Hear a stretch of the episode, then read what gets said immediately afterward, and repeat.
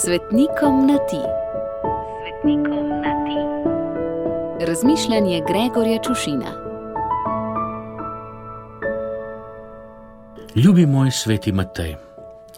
Roka kar nekoliko zatrepeče, ko se spravim k pisanju pisma tako slovečemu svetniku, apostolu celo, a ker v roki ne držim gosega peresa, kot ti tako rekoč na vseh upodobitvah, ampak s prsti točem po tipkovnici, se na pisavi ne bo poznalo.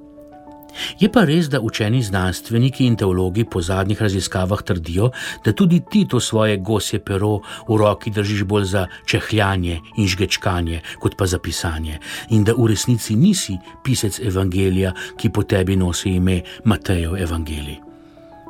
Kakorkoli.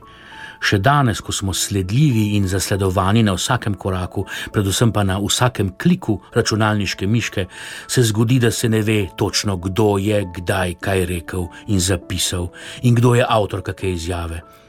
Zato se res ne gre razburjati o podatkih pred 2000 leti, kdo je v resnici kaj napisal. Ali Matej, ali Matija, ali Mateuš, ali Matjaš. Ker verujemo in vemo, da je bil zraven sveti duh, zadostuje, da vemo, da je to, kar je zapisano, zapisano v resnici in resnica. In tudi ti, preljubi sveti Matej, si prepoznal resnico, ko je prišla mimo tvoje mitnice in si brez oklevanja sledil Jezusovemu povabilu.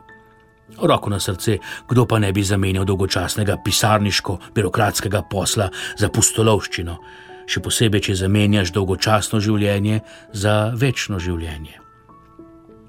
Po Binkoštih si se menda odpravil v Etiopijo in tam spreobrnil kraljevi dvor, ko si kot Jezus Lazarja od mrtvih priklical kraljevo hčer.